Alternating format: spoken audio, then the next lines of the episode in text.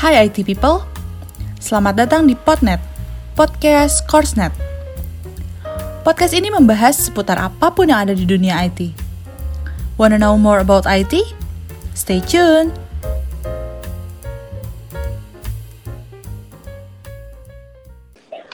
Halo Kak Alvin. Hai, Kanisa. Wah, halo Kak. Lagi di mana? Halo Kanisa? Kak. Kebetulan karena WFH jadi di rumah aja, Oh, di kampung halaman.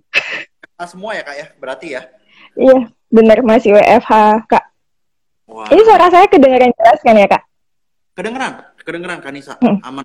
Oke. Wah, ini udah udah lumayan banyak juga nih yang join. Mungkin kita kita apa dulu kali ya Kak ya. Halo semuanya. Hmm. Wah, luar biasa. Yang udah join di sesi Instagram live kali ini boleh boleh komen dong kalian dari daerah mana sih? Kita tahu nih. Boleh tulis di komen mungkin kalian dari dari daerah mana? Mungkin ada yang dari luar kota ya, ada yang dari Jogja, ada yang dari mungkin dari Surabaya, mungkin ada yang dari Tangerang, dari Jakarta. Boleh Hmm. boleh kalian pada dari daerah Halo. Wah, ada yang dari Bandung ya. Ada yang dari Bandung, ada yang dari Pasar Minggu. Wah, luar biasa nih Kanisa. Berarti hari ini ramai banget ya. Ada yang dari. Tangerang juga. Wah, mungkin kita langsung mulai aja kali ya. Oke Kak, yuk. Oke. sip. Jadi, halo semuanya buat buat yang udah join sesi Instagram Live hari ini ya. Salam kenal sebelumnya. Saya dengan Alvin selaku founder dari Corset Indonesia. Kita lagi lagi di acara apa, Kak? Lagi ada di acara ngopit ya, Kak ya? Ngopi pintar. Ngobrol. Nah, jadi topik topik yang akan dibahas hari ini adalah pentingnya digital marketing di masa pandemi. Nah, hari ini kita akan kedatangan salah satu narasumber yang luar biasa banget, namanya Kanisa. Halo Kanisa. Halo Kak Alvin dan teman-teman Coursenet Wah, luar dan teman-teman audiens yang udah datang, yang udah ngumpul. Nah, jadi Kanisa ini selaku brand communication and creative team dari Lukan Group. Nah, mungkin Kanisa boleh ceritain sedikit dong, Kak, tentang grup tuh apa sih, Kak, sebenarnya, Kak? Oke, thank you sebelumnya Kak Alvin dan tim Kursnet yang udah ngasih kita chance nih buat join di ngopitnya. Eh, dan eh, kenalin, nama aku Nisa, dari, jadi aku dari Lukan Group, dan hari ini aku eh, going live with teknologi dengan salah satu akun kita di Lukan Group itu teknologi. Jadi kalau secara brief, eh, sebenarnya Lukan Group itu, atau teman-teman mungkin yang nonton udah pernah dengar teknologi juga, atau udah pernah eh, ngikutin dan lihat profil kita, jadi sebenarnya secara garis besar adalah media yang fokusnya sebenarnya penyebaran informasi mengenai IT gitu. Jadi informasi teknologi dan digital. Nah, jadi kita juga punya beberapa akun mulai dari kayak teknologi atau mungkin teman-teman ada yang tahu lukan anak IT juga. Terus untuk di bidang eh, grafis atau seni itu kita juga ada seni digital dan ada beberapa akun lainnya gitu. Jadi teman-teman kalau mungkin boleh ya Kak Alvin mungkin kalau mau tahu lebih lanjut tentang Lukan Group juga boleh eh, ke profilnya teknologi gitu. Jadi bisa cek-cek gitu dan baca-baca informasi terbaru tentang teknologi teknologi gitu. Nah, jadi buat buat buat teman-teman yang mau mau tahu update terbaru seputar teknologi dan dunia IT, bisa langsung follow teknologi ya. Nah, buat teman-teman yang mau tahu tentang pelatihan-pelatihan IT terbaru yang ada saat ini dan profesi-profesi IT apa sih yang menggelegar saat ini bisa juga di Instagram Coursenet ya. Instagramnya course Ya. underscore ya buat kalian yang belum follow boleh boleh follow. Begitu juga buat teman-teman yang belum follow akun teknologi boleh langsung follow sekarang teman-teman. Ya. Ya. nah, jadi jadi hari ini kita akan ngebahas tentang eh, peran digital marketing di masa pandemi saat ini. Nah jadi eh, seperti yang kita tahu saat ini kan lagi pusing banget ya semua kanisa ya. Karena adanya pandemi COVID-19 ini banyak banget perusahaan yang sampai tutup sampai gulung tikar gitu ya. Nah, dan lini-lini perusahaannya juga macam-macam nih. Ada yang dari bisnis bangunan, ada yang dari bisnis toko bangunan, ada yang bisnis training, ya, ada yang bisnis kecantikan, banyak juga yang pada tutup gitu ya. Nah, menurut Kanisa nih, kira-kira kenapa sih Kak eh, bisnis-bisnis di Indonesia itu kenapa pada kaget dengan pandemi yang juga melanda ke Indonesia khususnya? Nah, menurut Kanisa gimana tuh Kak? Mungkin sebenarnya kalau uh, kenapa nih atau kenapa nggak bisa bertahan mungkin seperti itu pertanyaannya guys besarnya Kak Alvin atau gimana survive gitu. Sebenarnya kita nggak bisa menjustifikasi hanya karena satu alasan nih apakah suatu company entah itu company ya usaha apa pun itu mereka sebenarnya bisa survive apa enggak karena kadang-kadang uh, yang kalau kita lihat itu seperti dampak atau misalnya nih kayak case-nya mungkin misalnya suatu restoran terpaksa merisenkan atau merumahkan uh, para pekerjanya nih kelihatannya seperti dampak dari COVID-19 kan Kak Alvin, tapi ternyata itu bisa jadi adalah satu plan buat survive kayak gitu. Jadi mungkin uh, punya banyak alasan atau reason apakah suatu perusahaan itu dia bisa survive atau enggak kayak gitu. Tapi mungkin secara teoritis mungkin karena uh, ini sebenarnya karena kita terlambat sadar bahwa kita ternyata punya limit ke Alvin gitu. Kita punya limit dalam hal atau punya batasan nih dalam penyediaan modal, dalam penyediaan SDM, dalam penyediaan teknologi. Jadi dari sebenarnya kita terlambat sadar bahwa kita punya limit dari segala macam jenis sumber daya kayak gitu. Jadi sebenarnya COVID-19 inilah triggernya gitu. Trigger kita mungkin mulai aware nih, wah ternyata gue punya limit nih, usaha gue ternyata uh, sekarang gak bisa jalan gara-gara ada suatu sikon yang dinamakan COVID-19 atau pandemi COVID-19 gitu. Jadi uh, karena terlambat sadar, terlambat sadar kalau punya limit, akhirnya nggak punya backup plan kayak gitu. Jadi mungkin secara teoritis seperti itu sih Kak Alvin kayak gitu. Tapi kalau secara praktikal atau kasus bisa jadi itu mungkin karena ya PSBB gitu kan, atau juga karena emang uh, kita semua nggak punya apa aktivitasnya menurun kayak gitu. Jadi berbagai sektor pasti terdampak kayak gitu. Apalagi sektor-sektor yang saling berkaitan gitu. Nah, iya benar benar banget ya Kanisa ya berarti hmm. uh, kita lihat memang faktornya banyak banget ya kak ya. Terus apalagi hmm. kalau di, di Indonesia itu kita lihat masih banyak perusahaan-perusahaan yang belum belum beralih ke ranah digital, bener ya kak ya. Hmm. Banyak dari hmm. mereka yang secara secara strategi pemasaran semuanya masih serba hmm. offline nih. Ya, hmm. jadi kalau orang tanya digital marketing tuh apa sih? Udah udah jualan online atau belum? Wah, mereka bilang, hmm. wah, uh, nggak perlu lah kayaknya gitu ya. Toh kan sekarang hmm. udah udah bagus. Nah tiba-tiba ada COVID nih, kehantem der gitu ya. Nah mereka kaget. Salah satunya karena itu juga ya kak ya. Benar ya. Nah, benar. Nah, boleh tambahin Kanisa mungkin ada mau nambahin?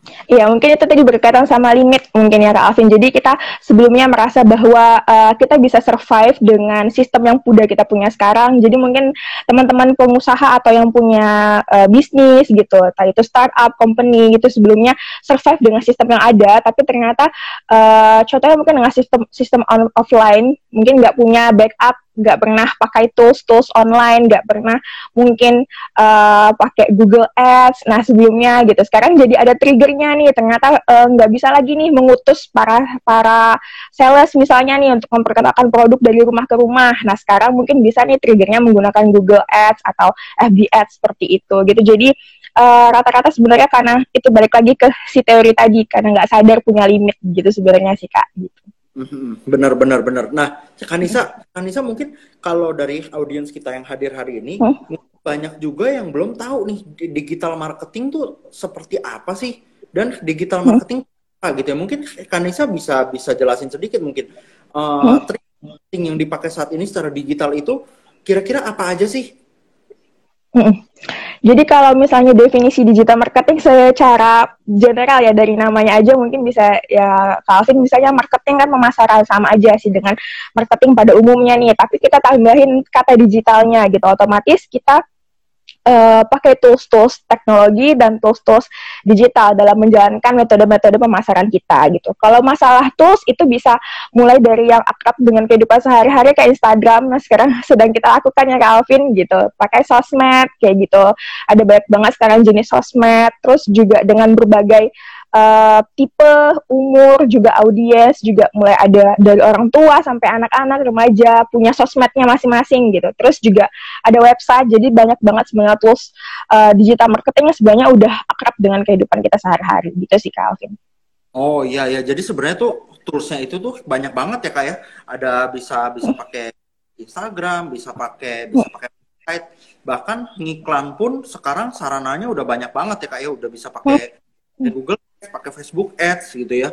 Nah, mungkin uh, bahas lebih di, lebih detail nih kak. Jadi uh, Kanisa, uh, seberapa penting sih peran digital marketing sekarang ini untuk menunjang survive-nya sebuah bisnis? Kalau untuk menunjang suatu bisnis penting penting banget penting banget. Tapi gimana kita bisa tahu seberapa pentingnya itu pasti karena kita punya planning sebelumnya Kak Alvin kayak gitu. Jadi kita bisa mengukur sendiri nih uh, seperti yang sebelumnya. Kita limitnya di mana nih? Nah mungkin sekarang karena situasi dan kondisinya karena limitnya kita nggak bisa melakukan physical attraction ya Kak Alvin atau uh, mempromosikan barang atau produk yang kita punya secara uh, fisikal atau langsung secara fisik ke orang-orang di luar sana kayak gitu. Jadi mungkin jadi penting sekali untuk punya channel, untuk punya channel ke si uh, tools-toolsnya digital marketing ini atau ngiklan lewat sosmed kayak gitu. Atau uh, lewat produk-produk internet lainnya kayak gitu. Dan sekarang juga karena kita uh, ada penurunan mungkin ada tren penurunan bisnis-bisnis yang misalnya punya penurunan uh, demand atau permintaan jadi berpengaruh ke penjualannya juga sangat penting untuk tahu target dan market yang sebenarnya. Jadi nggak bakar duit aja nih Calvin mempromosikan produk tapi secara atau pakai marketing metode lama dengan masang billboard misalnya atau dengan menyebarkan flyer tapi ternyata uh, bukan marketnya gitu. Nah digital marketing itu punya atau tools digital marketing itu ada nih yang bisa melakukan data, melakukan analisis data, melakukan riset secara cepat yang bisa teman-teman manfaatkan kayak gitu. Jadi sudah dipastikan, bisa dipastikan iklan teman-teman itu bisa klik nih uh, langsung ke targetnya atau ke orang-orang yang berpotensi menggunakan produk teman-teman. Jadi bisa dilihat dari seberapa budget besar budget kita, terus kita pengennya income kita nih berapa kayak gitu, masuknya berapa kayak gitu. Jadi uh, banyak sih faktor-faktor yang menentukan nih seberapa penting sih digital marketing untuk dipakai di produk kamu kayak gitu sih Kak Alvin. Nah, jadi jadi ini uh, insight bagus banget ya buat teman-teman semua ya. Hmm. Jadi uh, Kanisa tadi udah sempat jabarin tuh. Jadi kalau hmm. marketing dulu dengan zaman sekarang tuh beda banget ya Kanisa ya. Hmm. Jadi hmm. zaman dulu lebih banyaknya pakai apa nih? Medianya pakai billboard gitu ya. Pakai lewat media cetak. Nah, biasa itu ada keterbatasan. Bener ya Kanisa ya. Jadi karena kita yeah. di billboard, misalnya kita taruh di tol misalnya. Nah, waktu kita taruh di tol yang ngelihat ya orang-orang yang lewat tol itu aja. Kalau kita nggak benar. itu mana ya udah kita nggak bisa lihat gitu ya. Walaupun billboardnya yeah. gede ya kan? Segede apa pun itu ya kalau kita lewat lalu kita lihat. kalau kita nggak nggak lewat nggak bisa lihat. Nah dengan digital marketing ini beda ya Kanisa ya. Jadi kita bisa menjangkau customer kita itu nggak terbatas dengan lokasi nggak terbatas waktu gitu ya. Iya setting tuh. Kita mau cari orang-orang yang kayak apa sih? Hmm. nah bahkan teman-teman di sini udah sering ya misalnya kalian uh, kunjungin satu satu website nih. Misalnya kalian lagi pengen beli apa nih? Pengen beli pengen beli baju misalnya. Ya hmm. buat teman yang cewek biasa senang beli baju gitu ya. Jadi kita kunjungin satu website wah mulai tuh berasa tuh digentayangin terus gitu ya. Tur ada yeah.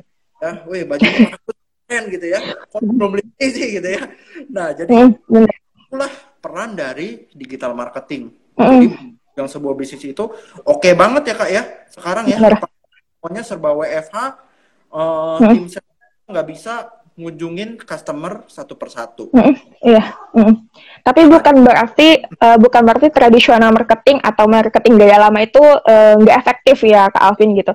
Tapi kalau aku pribadi ngelihatnya mungkin teman-teman bisa para pemilik usaha nih yang pengen coba tetap mencoba untuk tradisional marketing bisa banget sebenarnya gitu karena uh, untuk pasang billboard untuk menyebarkan flyer setidaknya teman-teman bisa nih mengenalkan produk teman-teman atau mengenalkan nama teman-teman gitu. Tapi untuk meningkatkan awareness atau kepedulian orang gitu. Nah, ini nih PR-nya dari si traditional marketing. Baru nih bisa dipakai si uh, digital ini gitu. Mas Alvin. Karena kan kalau di digital marketing kan kita uh, bisa langsung nih udah ada si, in, si internet juga udah ada tools yang disediakan internet kayak gitu untuk langsung ke targetnya kayak gitu. Jadi targetnya udah spesifik banget Mas uh, ke Alvin gitu. Jadi kita tinggal misalnya uh, aku mau pasang iklan untuk orang-orang yang lagi di Jakarta misalnya ya udah gitu masuk deh iklannya ke ke misalnya ke Instagram teman-teman yang lokasinya Jakarta kayak gitu jadi reach-nya juga jauh lebih luas kayak gitu jadi kepedulian orang-orang di luar sana terhadap produk teman-teman juga jadi lebih meningkat nah ya itu jadi hmm. benar banget Kanisa ya. Jadi sebenarnya kita nggak bisa bilang marketing offline itu jelek, nggak bisa juga ya kak ya. Hmm. Jadi Hmm. kalau Benar, nggak bisa. ya dua-duanya harus jalan, bener ya Kanisa ya. Hmm. Benar. offline-nya tetap jalan, secara online-nya juga tetap jalan, ya. Jadi offline marketing misalnya, misalnya apa nih? Misalnya kita bikin bikin event atau misalnya eh, per flyer, ya itu tetap dilakuin, gitu ya. Hmm. Kita Hmm. juga kita mulai melek nih, ya. Kalau ternyata ada loh terus marketing yang bisa menjangkau customer lebih luas lagi, Hmm. bahkan kita bisa targetin sesuai dengan target marketnya kita. Nah, kalau kita lihat bisa kita lihat di komen ya jadi udah banyak banget yang ngasih pertanyaan ya. Mungkin kita kita sambil sambil jawab juga kali ya beberapa pertanyaan. Oh ya. ya. Nah kita lihat nih kak ada pertanyaan dari Tin. Kak apakah apa langkah pertama yang harus dilakukan ketika kita masuk ke dunia digital marketing? Nah kira-kira Hmm. menurut Kanisa mungkin bisa dikasih insight-insight bagusnya kak Mungkin kalau untuk yang pertama planning dulu ya, planning dulu nih. Balik lagi kita harus planning eh, apa sih yang kita punya kayak gitu. Nah kalau misalnya untuk untuk digital marketing teman-teman kan bisa mulai dari sebenarnya dari hal yang dekat dengan kehidupan sehari-hari sosmed kayak gitu. Nah sosmed ini kan eh, siapa pun sekarang bisa pakai sosmed kayak gitu asal ada internet dan kuota.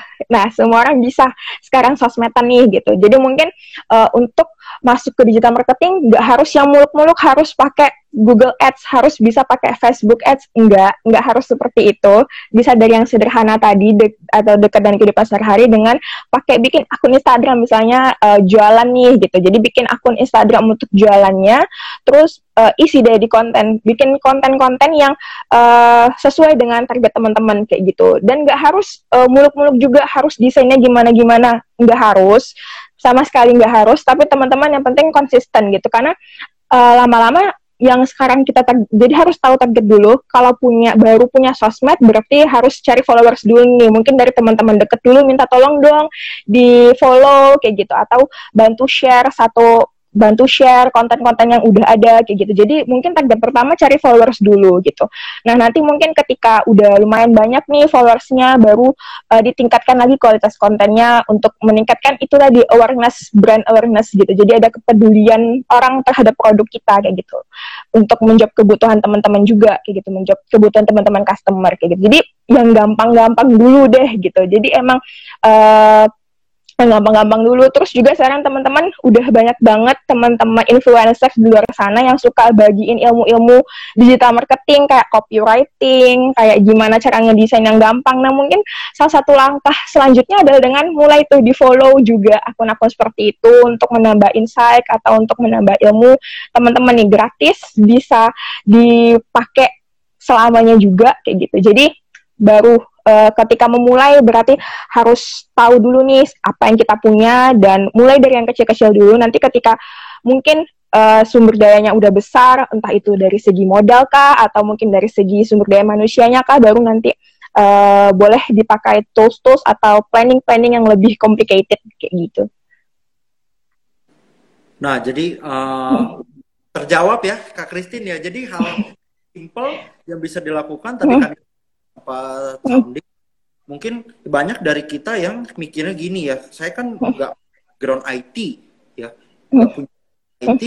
Terus mulai mana? Tenang aja ya Kak ya. Jadi sebenarnya orang yang digital itu sebenarnya dari IT.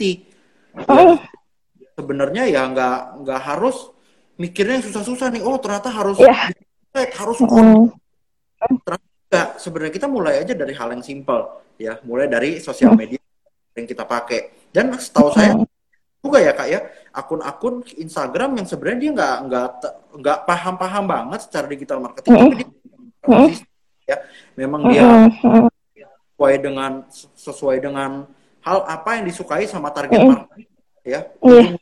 Kalau growth-nya juga lumayan ya kak ya, bahkan bisa jualan yang luar biasa gitu. Nah mungkin mau mau bagiin tips juga buat teman-teman yang mungkin lagi mulai bisnis online atau baru mau mulai bisnis ya. Jadi yang perlu kalian fokuskan, Kanisa tadi udah udah sounding juga soal targetnya kayak apa ya, goalnya kayak ya. Nah, targetnya nih banyak orang gini, memulai bisnis itu fokusnya cara jualnya gimana.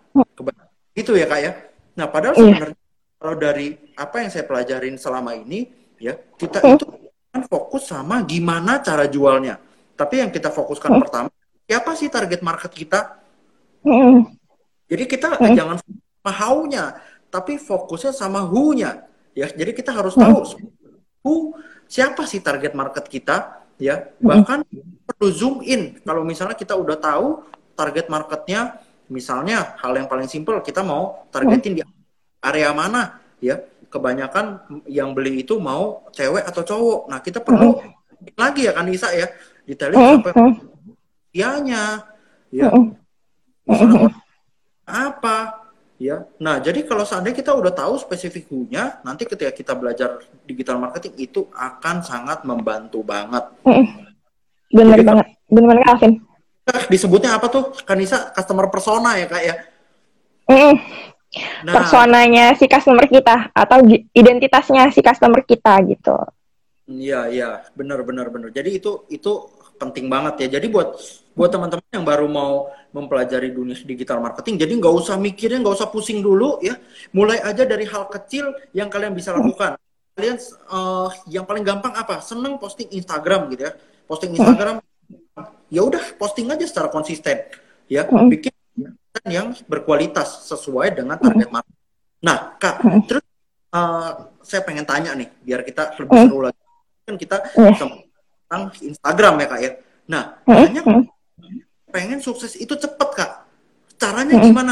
Follower aja. Nah, kalau menurut Kanisa nih, beli follower uh, bagus atau jelek sih kak? Sebenarnya ini bukan set, uh, ini mungkin pertanyaan yang semuanya udah tahu jawabannya mungkin ya Kak Alvin. Cuman kayak gini sih, lebih ke kayak uh, teman-teman kalau misalnya uh, beli barang, sebenarnya melihat followers begitu banyak pasti ada timbul kepercayaan ya. Kalau kita pribadi juga mungkin psikologisnya kalau banyak followersnya wah ini terpercaya nih kayak gitu. Tapi setelah kita kulik-kulik lagi ternyata wah nggak ada yang ngomen nih atau nggak ada uh, interaksinya sama sekali atau likes-nya mungkin rendah. Nah itu akan terproof sendiri, akan terbukti sendiri sebenarnya Kak Alvin apakah itu followers uh, gadungan, fake atau asli kayak gitu. Karena biasanya followers yang emang pengen ngefollow suatu akun itu pasti akan berinteraksi dengan akun itu entah itu hanya sekedar likes kah apa sekedar nge-share atau uh, mungkin satu dua uh, kalau bisa komen kayak gitu seperti, itu ya Kak Alvin jadi pasti akan terproof sendiri kayak gitu jadi uh, dan ini juga akan berhubungan sama kepercayaan itu sendiri Kak Alvin. Mungkin ketika orang pertama kali ngelihat wah terbukti nih terpercaya karena followersnya besar. Tapi ketika lama-lama nggak ada nggak ada misalnya nggak nggak ada juga punya konten yang ternyata juga bagus atau sesuai sama target terus juga interaksi setiap kontennya juga rendah banget itu akan muncul kecurigaan. Nah kecurigaan ini yang juga akan berbahaya sama brandnya teman-teman atau sama produknya teman-teman orang-orang akan menyimpulkan sendiri sebenarnya ke Alvin oh ini followers beli nih atau followers gadungan atau fake kayak gitu jadi uh, harus dipikirkan sebenarnya pelan-pelan apakah ini langkah yang baik atau enggak kayak gitu. Jadi uh, pikirkan negatif positifnya aja sih untuk bener salahnya aku nggak mau bilang ke Alvin kayak gitu. Jadi pikirkan negatif positifnya aja gitu. Yes yes benar benar benar. Mm. Jadi jadi kadang-kadang orang tuh banyak mikirnya itu pengen sukses cepat ya kak ya, pengen sukses cepat. Mm. Power kan seolah-olah kan kita seperti membeli trust, bener ya kak ya. Mm kalau orang lihat akunnya kita, wah, uh, kayaknya followernya banyak nih, terpercaya. Nah, tapi ingat ya, uh, kita nggak boleh berhenti sampai di situ aja. Tetap aja kalau kita bikin konten yang berkualitas, ya itu nggak engage. Dan jangan lupa di follower, ya follower itu akan engage nggak sama kita? Yang nggak bisa, nggak akan engage. Kenapa? Karena follower itu robot ya iya nggak akan sesuai dengan target marketnya kita hmm. jadi akan berinteraksi sama kita hmm. ya jadi kalau kita mau mau bikin satu akun itu growth tetap goalnya adalah kita harus bikin uh, konten Instagram yang berkualitas hmm. itu kita ya Setuju banget Kak Alvin. Sekarang pun juga banyak banget sebenarnya cara-cara yang sebenarnya lebih wise, lebih bijak yang bisa dipakai teman-teman kayak gitu. Jadi mungkin contohnya nih salah satu yang lagi kita pakai sekarang ya Kak Alvin adalah collab yeah. ya, berkolaborasi sebenarnya dengan uh, mungkin akun-akun lain yang sealiran nih atau se aliran bahasanya berapa aliran. Jadi kayak senice kalau mungkin bahasa bahasa sekarang mungkin niche gitu atau satu produk punya produk yang kurang lebih sama dengan uh, produk kita kayak gitu. Kita bisa collab uh, untuk uh, atau collab sama mungkin akun-akun yang lebih besar dari akun kita mungkin kayak gitu. Nah, teman-teman juga bisa pakai cara-cara seperti itu yang lebih bijak atau mungkin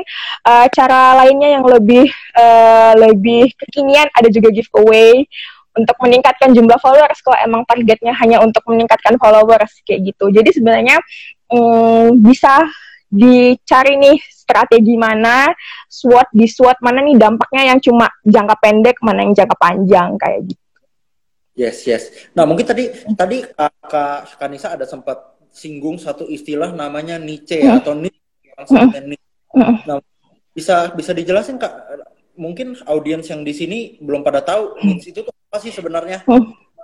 Oke, okay, karena sebenarnya aku juga baru belajar ya. Jadi kalau teman-teman kalau misalnya aku salah nih boleh juga nih komen di sini. Jadi kalau uh, niche ini adalah suatu line, line atau enggaknya atau sama atau enggaknya atau lebih ke kayak mungkin spesifik produk kita atau uh, jasa kita itu apa sih kayak gitu. Jadi pasti kita punya uh, mungkin kalau teknologi sama Crossnet satu niche nih, satu uh, punya spesifikasi yang sama kayak gitu.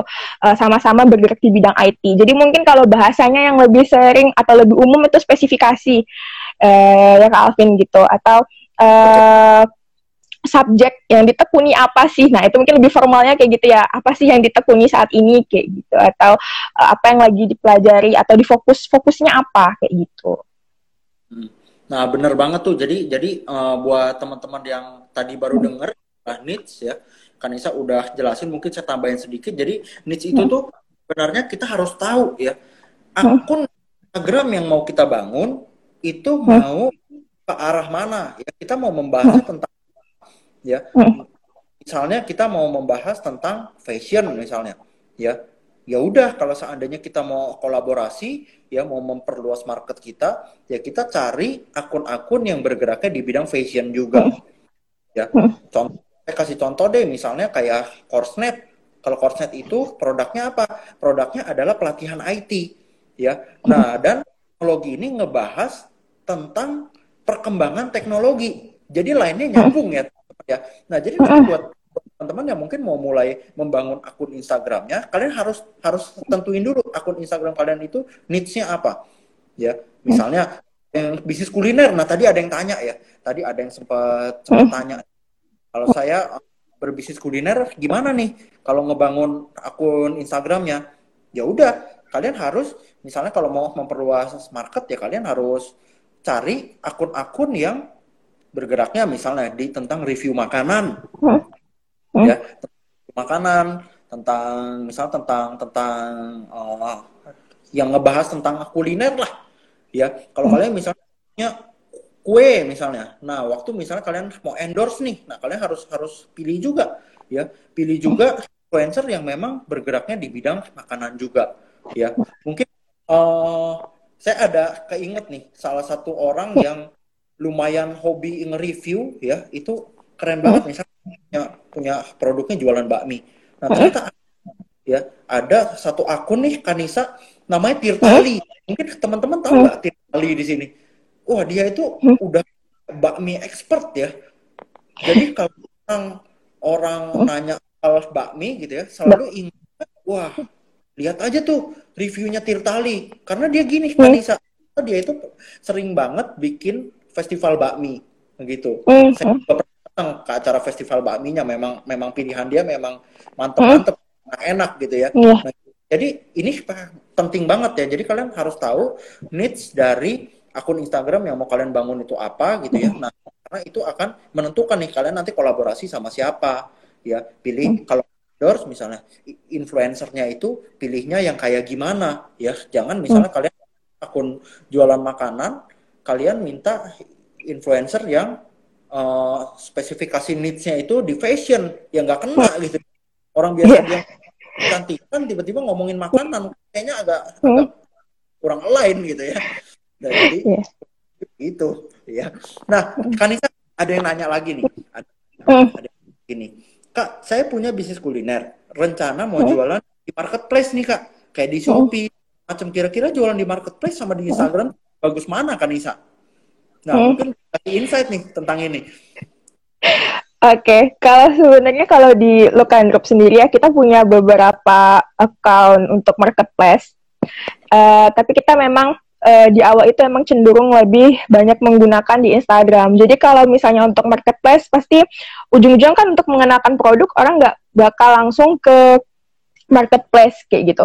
Mungkin secara random mungkin ya atau di kolom search mungkin dicari mungkin kita bakal muncul. Tapi untuk mendatangkan followers yang lebih banyak atau mendatangkan uh, audiens lebih banyak ya ini sarananya adalah si sosmed gitu. Jadi si uh, Instagram ini sebenarnya bukan hanya tempat untuk jualan tapi juga untuk mengenalkan mengenalkan produk kita Alvin kayak gitu. Jadi uh, ada yang namanya brand awareness atau seberapa kenal sih orang sama produk kamu kayak gitu. Seberapa sering dia ngeliat produk kamu di timeline dia, seberapa sering orang berinteraksi sama uh, akun kamu di Instagram kayak gitu. Seberapa sering nih kamu muncul di story, di deretan storynya dia. Nah, itu bakal berpengaruh banget secara psikologis. Oh, ini kalau cari baju misalnya nih harus ke sini, baru deh nanti dia ngunjungin profil dan mungkin di profil kamu bisa dicantumin marketplace-nya apa.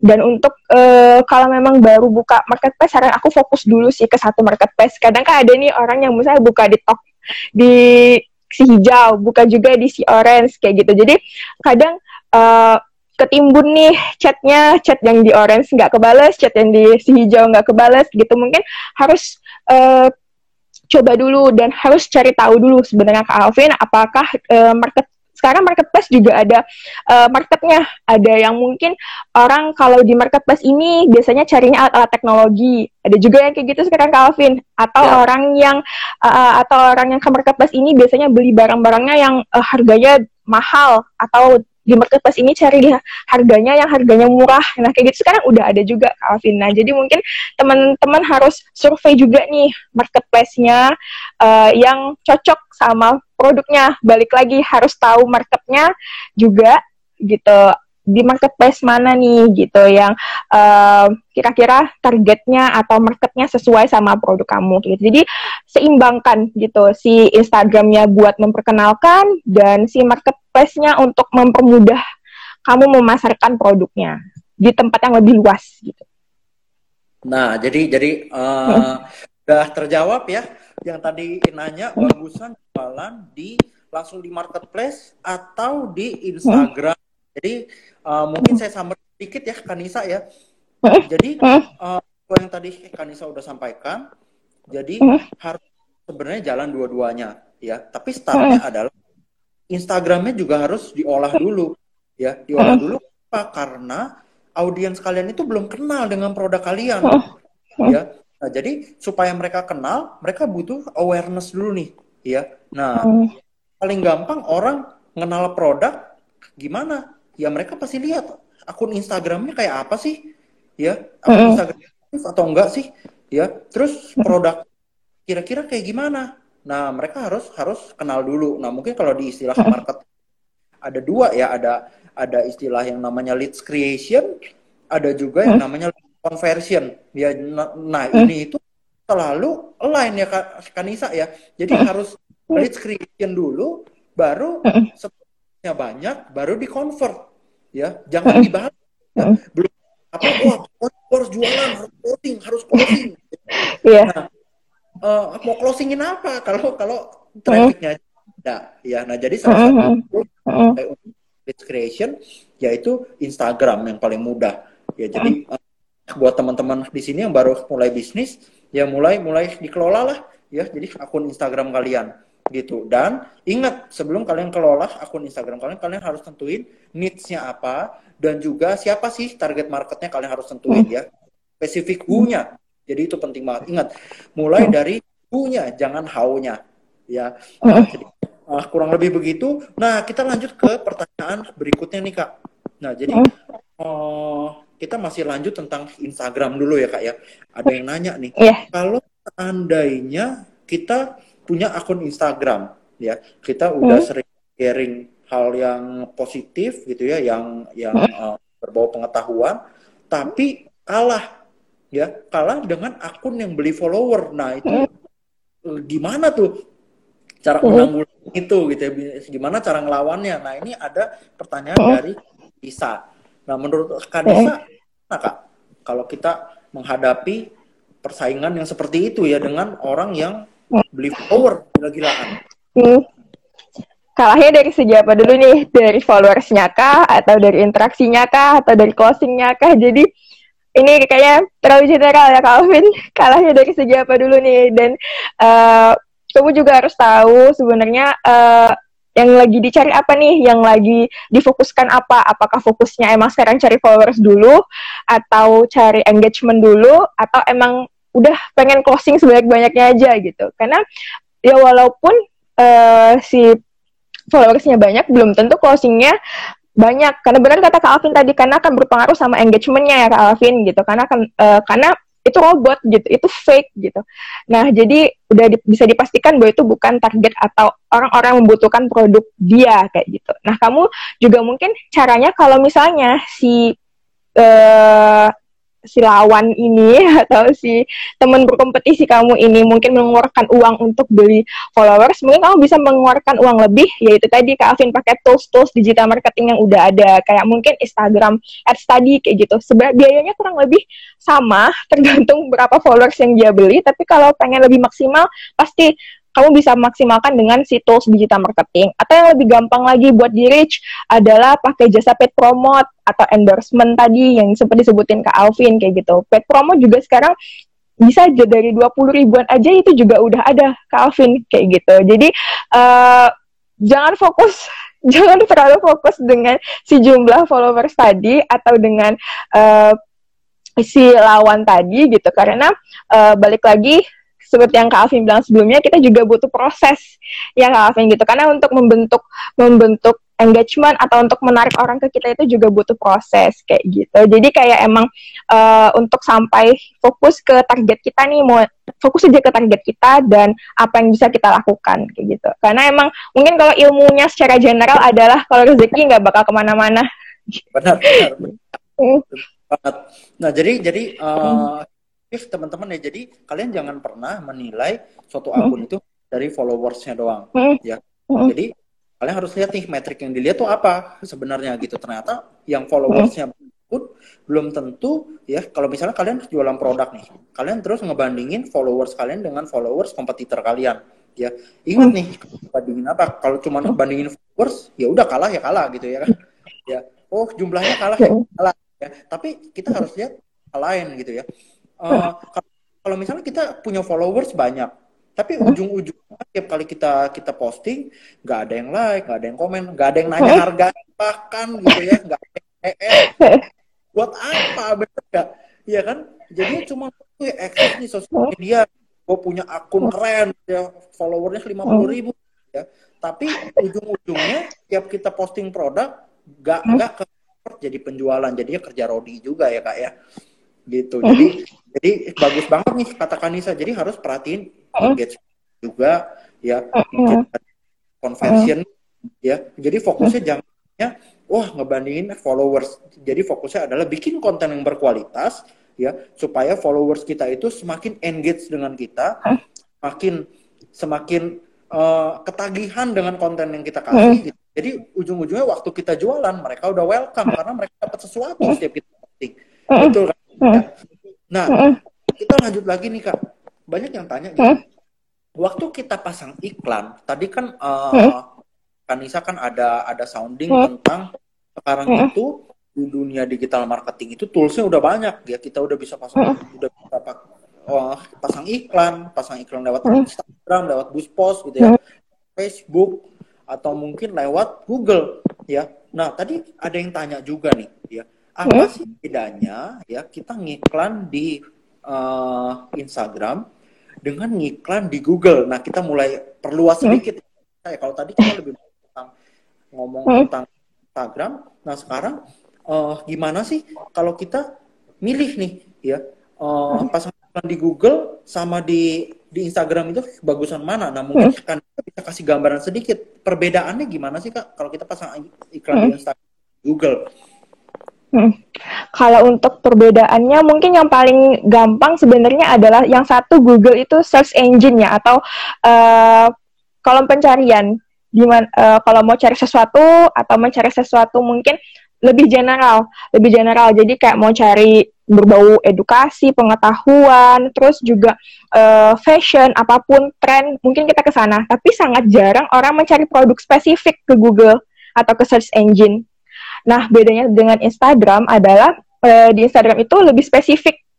Akan lebih banyak orang yang mencari produk di Instagram kayak gitu. Karena di Instagram itu kita memang eh, fungsinya sekarang itu adalah bersosial media di mana orang pengen tahu segala apa pun lewat Instagram saat ini dan kita juga harus lihat siapa sih usernya gitu. Kalau user Instagram sekarang benar-benar mungkin bisa dispesifikin ke umur 18 sampai 31 tahun ke Alvin gitu. Jadi ketika teman-teman mungkin punya produk yang tujuannya nih untuk mereka dengan range umur segitu, pilihan yang tepat ya adalah dengan menggunakan Instagram gitu. Atau eh, tujuannya adalah untuk meningkatkan eh, balik lagi meningkatkan en- engagement dulu nih di akun Instagramnya kayak gitu. Jadi eh, berarti balik lagi dari harus perbedaan usernya, perbedaan tujuan orang mengakses Google dan mengakses Instagram itu beda tujuannya gitu. Jadi teman-teman bisa eh, sesuaikan dengan produknya lagi.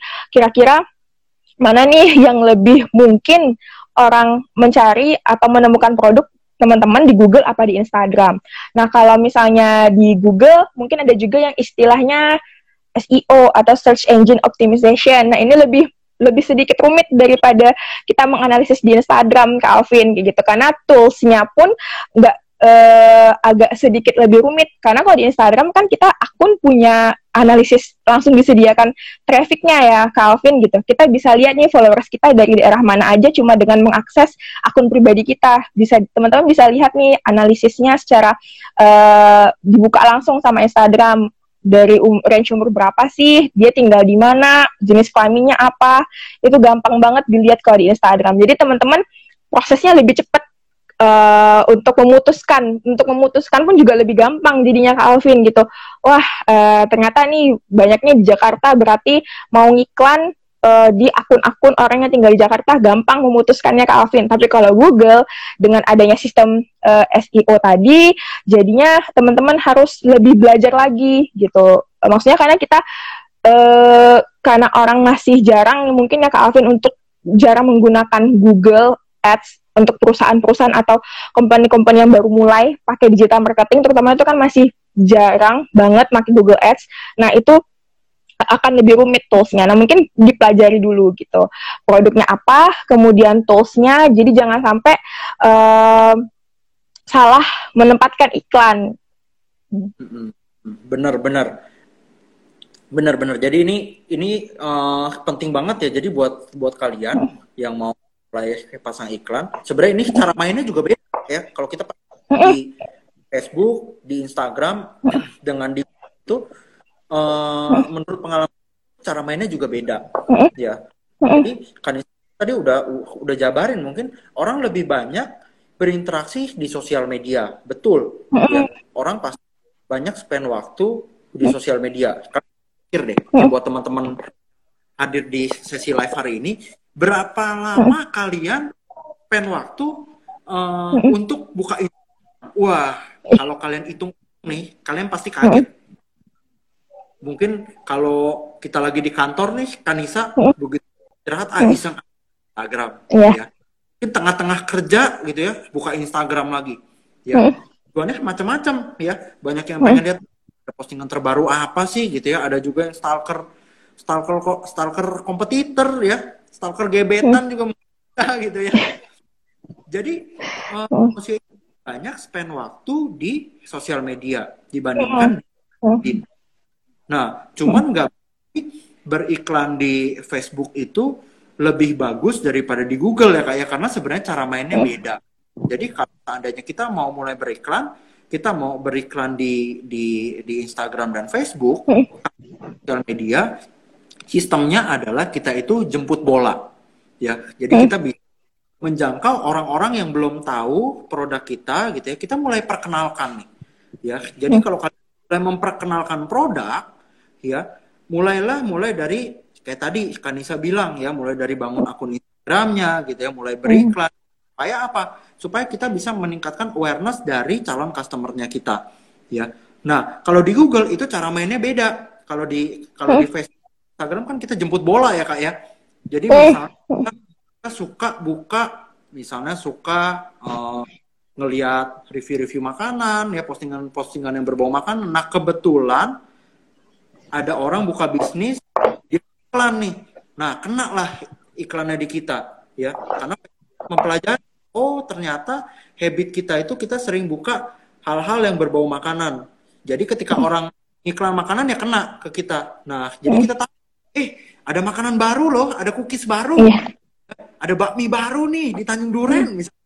Ya, nah jadi kita dengan berikan di Facebook itu kita jemput bola, ya kita kenalin produk customer. Nah, kalau di Google itu cara mainnya beda, ya. Kita harus prediksi nih, prediksi. Misalnya kita jualan, misalnya kalau Coursenet itu jasanya adalah kursus IT, ya. Kira-kira kalau mau kursus misalnya mau kursus cyber security mereka ketiknya apa sih di Google ya nah jadi kita pasang di keyword yang kemungkinan calon-calon customer kita itu ngetik misalnya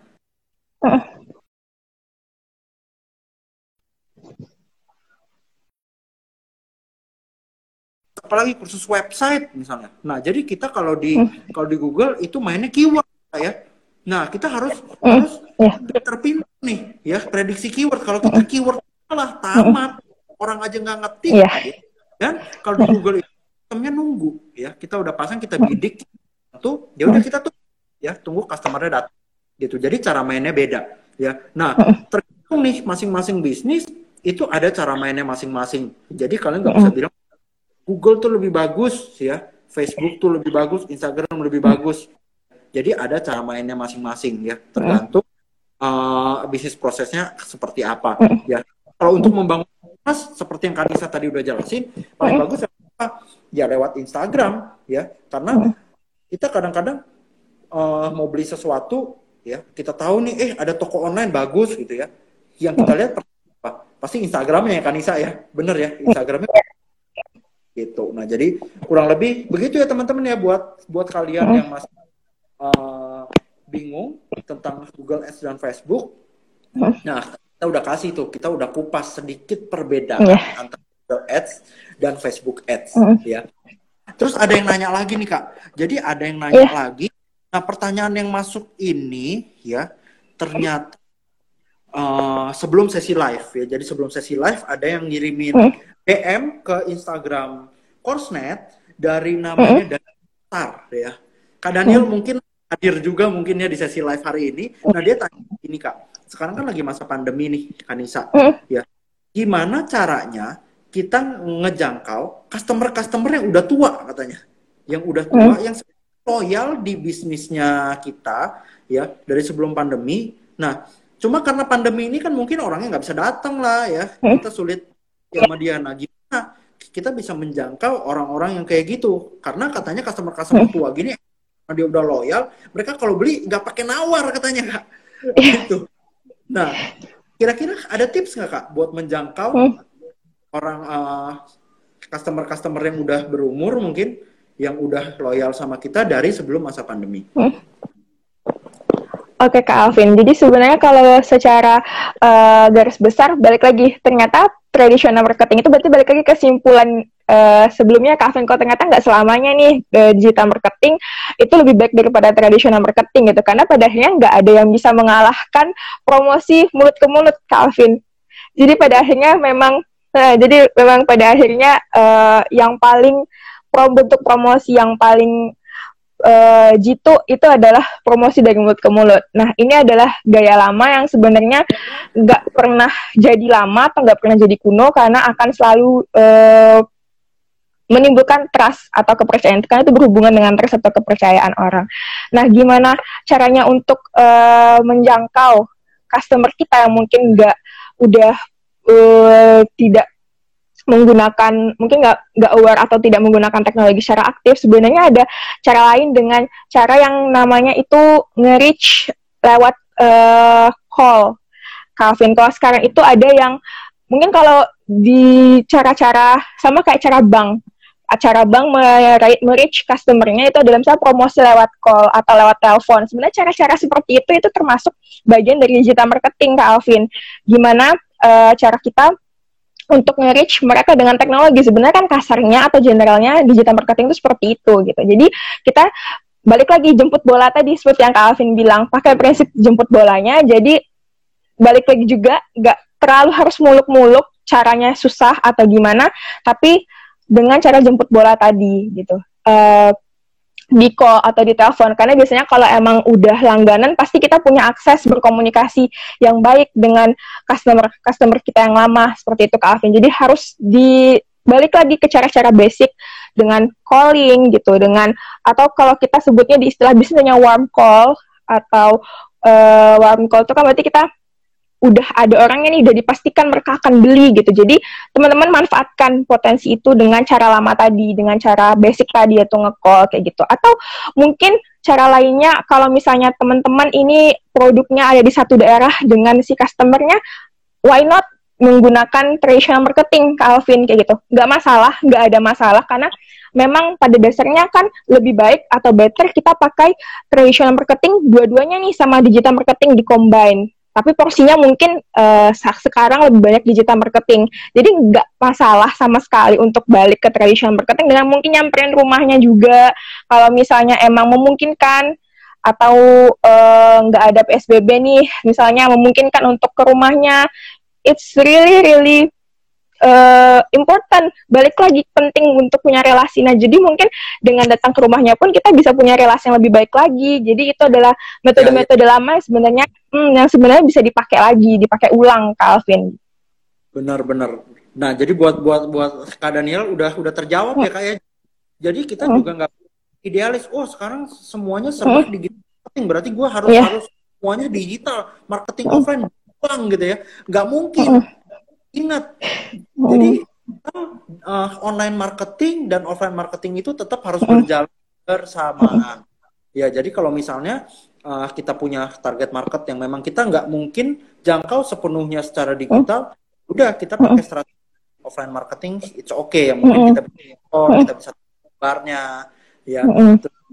mungkin tanya nih produk yang dibeli terakhir gimana manfaatnya. Mungkin kalau kalau misalnya produk kita produk kita bisa tanya ya. Setelah kita gimana? Ya jadi kita bisa ngobrol bangun kedekatan dengan customer kita. Ujung-ujung kita tanyain pembelian berikutnya ya. Iya. jadi untuk untuk proses selling ke ke produk nah itu uh, ah gitu ya. Nah terus uh, ada lagi nih kak. Ada ada lagi yang nanya ya di di kita ada yang nanya gini ya. Oh, kalau misalnya kita mau jualan produk ya itu sebenarnya kalau dari pengalamannya Kanisa nih itu mendingan kita jualan di marketplace doang atau bagusnya kita punya website sendiri sih kak kalau pandangan Kanisa gimana? Hmm. Sebenarnya enaknya punya website sendiri ya enaknya nih, enaknya punya website sendiri. Kita punya, kita bebas mau ngatur ada fitur apa aja, apa yang mau kita tampilin, dan uh, lebih bebas juga nih dengan mau isinya apa aja kayak gitu karena kalau di marketplace pun kadang-kadang kita punya batasan-batasan atau aturan-aturan marketplace yang nggak bisa kita langgar Kak Alvin nah enaknya. Kalau ngomongin enak enaknya punya website gitu. Tapi mungkin teman-teman nggak semua teman-teman atau nggak semua orang punya channel untuk punya website Kak Alvin.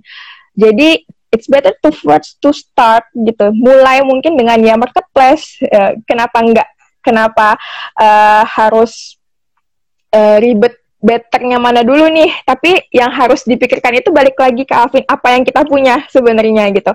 Punya channel nggak? Untuk punya kemampuan nggak untuk mengolah website? Karena kalau untuk website kita berarti akan long term gitu. Kita nggak hanya sekadar membuat website, tapi kita juga harus mengasuh websitenya, harus uh, mengasuh di sini maksudnya uh, harus rajin upload, harus tetap punya interaksi juga sama orang-orang di dalam websitenya, dan otomatis kita adalah pemain tunggal di website kita gitu. Kalau di marketplace kan ada yang ngurusin, mungkin kita tinggal upload-upload barang, tinggal bales chatnya, tapi secara sistem itu udah ada yang ngatur. Tapi kalau untuk website kita emang benar-benar hmm, kita yang planning ada apa aja, sistemnya bakal kayak gimana, terus uh, dan juga akan ada trial and errornya lebih besar ke Alvin gitu. Nah, mungkin teman-teman bisa mungkin untuk uh, di awal mungkin marketplace marketplace tapi tetap mempersiapkan nih websitenya. Entah itu mungkin dari uh, segi modalnya kah atau juga mungkin karena website juga punya maintenance ya kak Alvin gitu. Nah juga mungkin dari segi SDM-nya juga udah siap nggak nih untuk berkomitmen long term gitu. Karena balik lagi kalau misalnya nih nanti websitenya jadi sarang laba-laba doang juga uh, malah menurunkan trust atau kepercayaan orang buat beli barang via website lagi. Nah, itu juga harus dipertimbangkan, Kak Alvin benar benar. Benar jadi setuju ya. Jadi kalau tadi Kanisa bilang kalau bisa sih punya website itu setuju banget ya. Pak mungkin saya tambahin sedikit ya Kanisa ya. Jadi kalau kita jalan lewat marketplace keunggulannya apa? Kita nggak perlu ribet. Kenapa? Karena kita numpang di mall. Seolah gitu ya. Kita numpang aja nih fitur-fiturnya apa? Ya fitur-fiturnya gitu kelemahan dari kalau misalnya kita jualan di marketplace adalah kita semua data kita ya masuknya ke sana. Ya.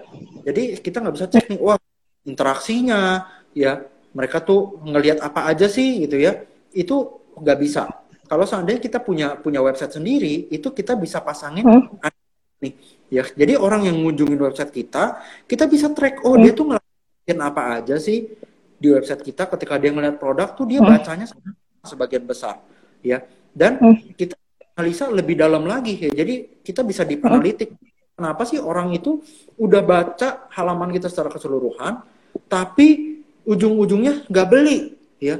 Nah kita bisa analisa. Misalnya kita hmm. setelah apa? Oh ternyata tombol untuk call to actionnya untuk ngehubungin kita setelah produk tidak ya. Atau mungkin tombolnya kurang kurang mencolok. Jadi orang nggak nggak kepikiran untuk ngeklik ya nah jadi kalau seandainya kita itu kita seolah-olah kita punya rumah sendiri. Ya kita punya toko kita sendiri. Kita kelola toko iya. kita gitu. Tapi kalau seandainya di marketplace kita numpang per orang. Ya nah setuju banget nih kata Kanisa jadi kalau kita mau bikin website ya effortnya pasti lumayan. Nah saya mau kasih tips nih buat buat teman-teman di sini.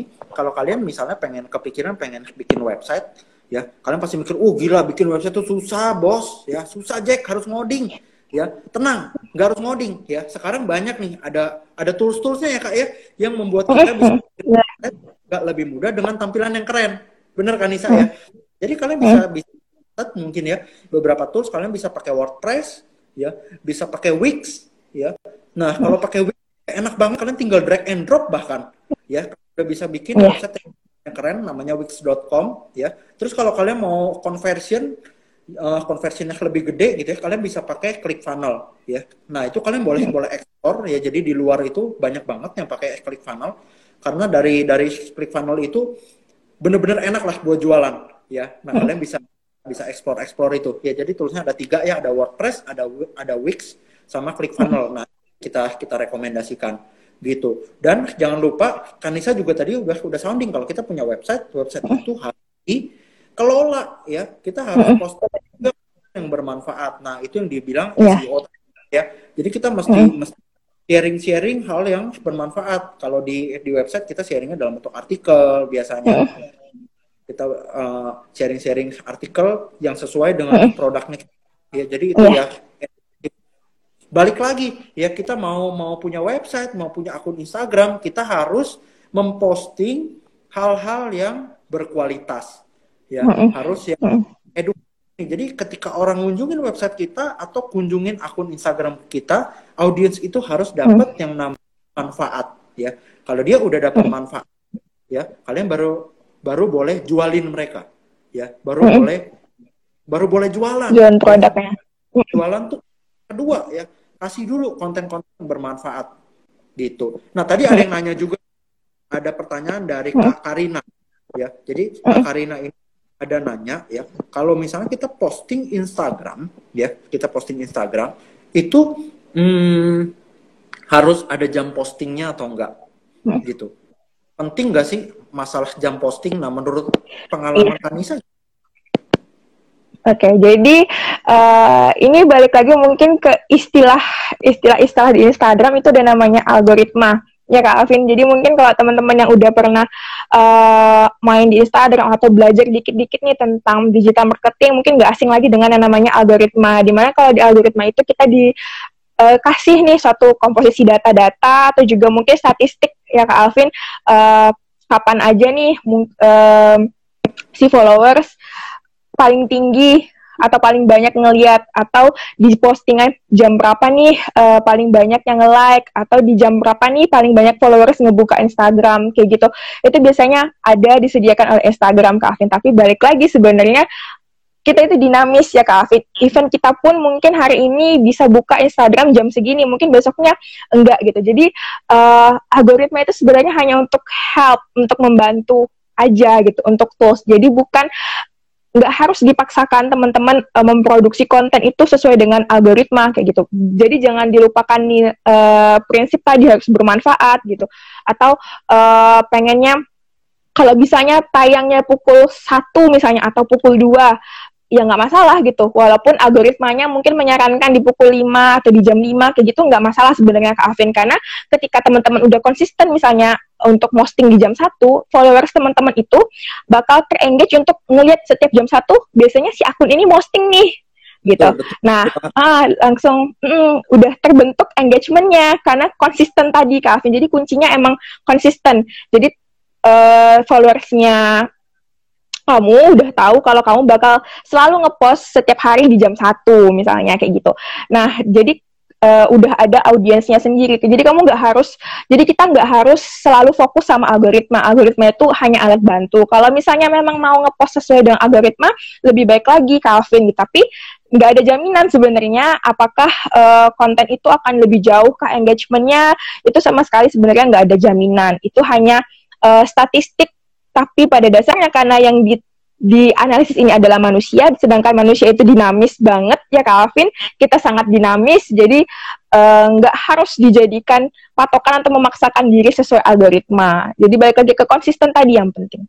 Iya betul, betul banget. Jadi jadi jadi yang paling penting adalah konsisten. Hmm. Jadi uh, jadi gini teman-teman dari Instagram itu, jadi Kanisa udah jelasin ya di Instagram itu udah ada ya fitur analitiknya. Jadi mm.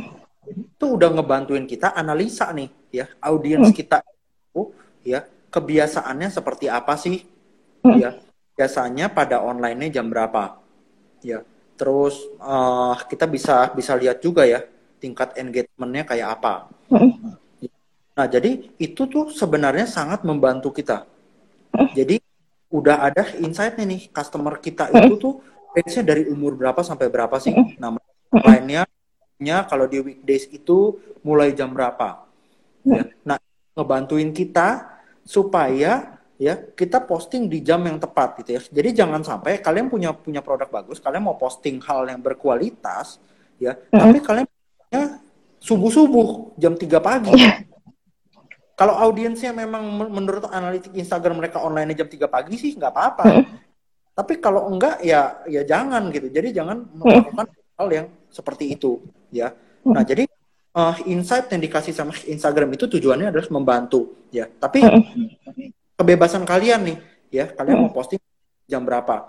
Seperti yang Kanisa tadi udah jelasin ya, sebenarnya kalau kita konsisten posting misalnya, posting misalnya jam 3 sore misalnya. Nah, audiens kita tuh teredukasi sendiri setiap jam 3 sore tanpa mereka sadar gitu ya, alam bawah sadar mereka itu mereka ngecek Instagram, eh akun ini ngepost nih, ya ada, ada produk baru apa sih, ya ada ada cerita baru apa, ya. Nah, jadi kurang begitu, ya. Nah, jadi yang penting adalah apa? Konsisten, gitu teman-teman ya. Nah, mungkin kita udah udah mendekati akhir acara ya, berhubung kita udah jam 6 ya. Nah, Kanisa mungkin boleh kasih tips Kak, tips terakhir bu buat teman-teman di sini yeah. yang mau mulai untuk berbisnis online. Kira-kira apa sih Kak tipsnya Kak? Hmm. Oke, jadi tipsnya sebenarnya uh, mulai, mulai dulu. Entah itu mulai belajar dulu atau mulai uh, bikin bisnisnya. Jadi emang first stepnya mulai, Kak Alvin gitu. Harus dimulai first step. Kalau nggak ada first stepnya atau langkah awalnya, ya nggak bakal ada langkah kedua dan langkah ketiga gitu. Jadi kalau misalnya teman-teman punya bisnis atau punya ide bisnis nih, teman-teman coba untuk plan gitu punya planning terus juga uh, yang paling penting juga adalah cari partner. Cari partner ini nggak harus muluk-muluk punya investor bukan kayak gitu ya Kak Alvin. Maksudnya karena kadang-kadang kan kalau sekarang orang mindsetnya invest invest terus ya Kak Alvin gitu. Cari partner tuh segampang. Nyari teman buat kerja misalnya bagi tugas kamu yang upload aku yang ngedesain kayak gitu sebenarnya udah punya partner. Terus yang terakhir itu adalah uh, belajar terus gitu Kak Alvin. Jadi kalau untuk uh, dan dari belajar itu kita bisa ketemu tools-tools yang sesuai dengan bisnis kita yang mungkin kira-kira nih uh, setelah kita sekian lama uh, punya bisnis nih kita mulai terus kita punya terus kita tetap belajar nanti kita bakal ketemu sini nih formulanya atau rumusnya sebenarnya tepat itu seperti apa. Karena nggak ada yang tahu uh, bisnis kamu itu atau persona atau identitas bisnis kamu itu selain kamu sendiri kayak gitu Kak Alvin. Jadi memang harus belajar terus. Nah, dan salah satu mungkin yang bisa teman-teman pelajari dari digital marketing gitu. Jadi uh, dengan adanya mungkin COVID-19 sebagai trigger sebenarnya Kak Alvin karena kalau untuk perkembangan teknologi terus digital marketing mungkin udah dari tahun-tahun sebelumnya udah ada tapi hype-nya atau karena ada COVID-19 jadi trigger nih orang jadi lebih aware sama hal-hal berbau IT dan digital. Nah, startlah, mulailah untuk mengenal digital marketing gitu karena hmm, pada akhirnya kita mungkin punya uh, kalau kita nggak punya sumber daya atau yang banyak kita bisa bisa berpikir kreatif dan dengan digital marketing itulah kita bisa mengembangkan kreativitas kita. Mulai dari konten mulai dari uh, kreatif menggunakan tools-tools digital marketing. Nah di situlah uh, kita bisa mengembangkan bisnis kita lebih besar lagi gitu. Jadi mulai the first stepnya dulu. Oke, okay. thank you banget Kanita ya. Nah, jadi itu uh, set yang bagus banget buat teman-teman semua ya. Kalian boleh punya mimpi yang besar ya. Boleh mimpi wah saya pengen punya bisnis A bisnis B bisnis C ya. Tapi semua itu nggak terjadi. Kalau nggak ada apa yang kalian lakukan. Jadi uh, tips dari saya adalah dream big gitu ya. Jadi kalian boleh bermimpi besar tapi start small. Jadi mulailah dari hal yang kecil. Kalau kalian mulai dari hal yang kecil hal yang besar ya anda di masa depan. Tapi kalau kalian nggak mulai-mulai kalian nggak akan dapetin hal yang besar itu. Ya. Nah hal kecilnya bisa dari apa? Bisa mulai dari belajar ya bisa mulai dari belajar bisa mulai dari uh, ya yang paling oke okay sih itulah ya kalian bisa bisa belajar ya. Kalian mulai mulai cari akun-akun yang berkualitas ya yang sesuai dengan hal apa yang kalian mau pelajarin ya. Mau belajar Instagram ya udah banyak banget yang ngajarin tentang Instagram ya tips entry copywriting ya. Mulai dari hal itu kalian mulai baca-baca ya. Nah, kalau kalian butuh pelatihan, butuh mentoring gitu ya, kalian bisa hubungin Korset Indonesia ya. Dan terakhir nih teman-teman ya, karena kita udah karena adanya keterbatasan waktu ya, kita harus udahin acara ngopit hari ini sampai ketemu hmm. lagi di acara ngopit selanjutnya ya. Thank you banget Kanisa hari ini yang udah sharing banyak banget buat saya juga ya. Jadi saya juga belajar banget dari Kanisa dan juga Thank you uh, Alvin. Sama-sama Kanisa. Ya jadi uh. kita juga udah terbantu banget nih udah dapat insight-insight bagus gitu ya. Terakhir, jangan lupa follow Instagram Coursenet dan dan juga akun Instagram teknologi uh. ya. Sekian dari sekian dari saya ya. Thank you banget Kanisa ya. Nah, jadi uh. Kanisa mungkin pamit undur diri sampai ketemu lagi di acara ngopi selanjutnya. Bye teman-teman. Thank you semua. Bye.